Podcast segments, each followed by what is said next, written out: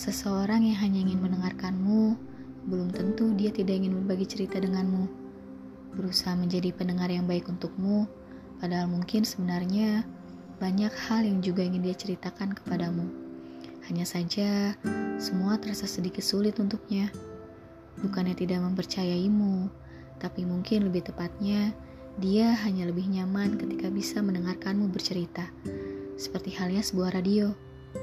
Kamu bebas memilih saluran mana yang ingin kamu dengarkan, tapi kamu tidak bisa mendengarkannya di waktu yang sama secara bersamaan. Dari banyaknya saluran yang kamu sukai, kamu tetap harus memilih salah satu untuk bisa kamu nikmati. Ketika kamu bercerita tanpa sengaja, dia telah masuk ke dalam kehidupanmu. Begitupun denganmu, yang tanpa sengaja telah menariknya masuk ke dalam segala ceritamu. Terkadang, semua hal yang sangat sederhana saja bisa terlihat sangat membingungkan ketika kamu bertemu dengan beberapa pilihan, seperti ingin memilih semuanya agar tidak ada yang kehilangan ataupun merasa tersakiti.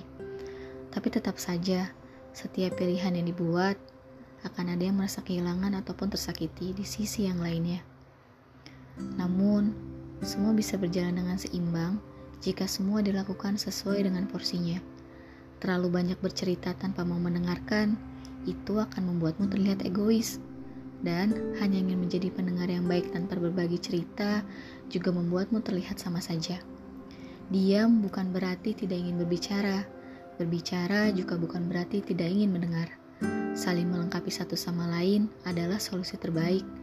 Menjaga sesuatu agar tetap utuh itu akan lebih sulit karena ketika sesuatu itu rapuh dan jatuh, maka akan lebih sulit lagi untuk bisa menjadi utuh.